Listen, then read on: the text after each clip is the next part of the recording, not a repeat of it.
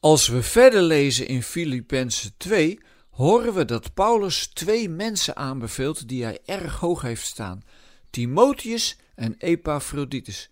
Timotheus omdat hij er blijk van heeft gegeven dat hij ontzettend betrokken is bij de mensen in Filippi. En Epaphroditus die Paulus veel steun en troost heeft gegeven namens de gemeente. In vers 29 zegt Paulus dat je mensen zoals hij in ere moet houden. En toen vroeg ik me even af wanneer je nu mensen in ere moet houden. Altijd?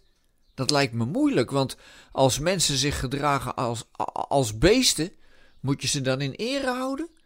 Of is in ere houden in zo'n geval juist iemand erop wijzen dat hij die negativiteit niet kan maken? Er zijn genoeg organisaties die hameren op de menselijke waardigheid. En als christen kun je dat natuurlijk alleen maar beamen. Ieder mens is er één. En sommigen moeten dus aan hun eerbaarheid herinnerd worden, omdat ze die aan het verkwanselen zijn. Maar anderen moeten aan hun eerbaarheid herinnerd worden, omdat ze die aan het kwijtraken zijn door omstandigheden als werkloosheid, dakloosheid, een verslaving, dementie. Toen mijn vader helemaal de weg was kwijtgeraakt door Alzheimer en moest worden opgenomen in een verpleeghuis, werd hij altijd met volle eer behandeld door het personeel. Het was nooit, uh, hey Willempie of zo, maar altijd keurig meneer Favier.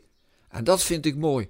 Dan geef je er blijk van dat iemand waardigheid heeft, niet omdat hij of zij toevallig een hoge functie bekleedt of heel veel geld heeft, maar omdat hij een beelddrager is van de Schepper. Was dat niet ook de manier waarop Jezus omging met de mensen die hij ontmoette?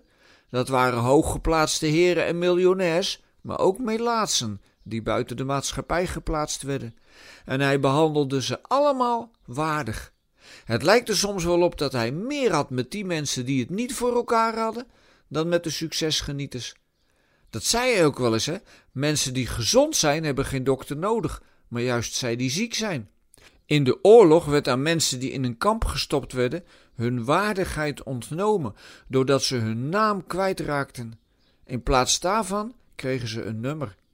En als je dat er maar goed inprent, dat die gevangenen geen waardige mensen zijn, maar alleen maar nummers, die je ook rustig kunt verwisselen omdat ze verder helemaal niet zijn, dan wordt het ook een stuk makkelijker om ze te laten lijden en om ze te martelen. In oorlogen wordt de tegenstander de vijand genoemd. Dat is mooi anoniem, zodat je het niet hoeft te hebben over meneer Jansen en meneer Mulder, die jij dood moet schieten terwijl ze een gezin en familie hebben. Als we mensen hun waardigheid ontnemen, is dat het begin van het einde van het mens zijn. Daarom is het evangelie zo fantastisch. Jezus leefde dat God van iedereen evenveel houdt.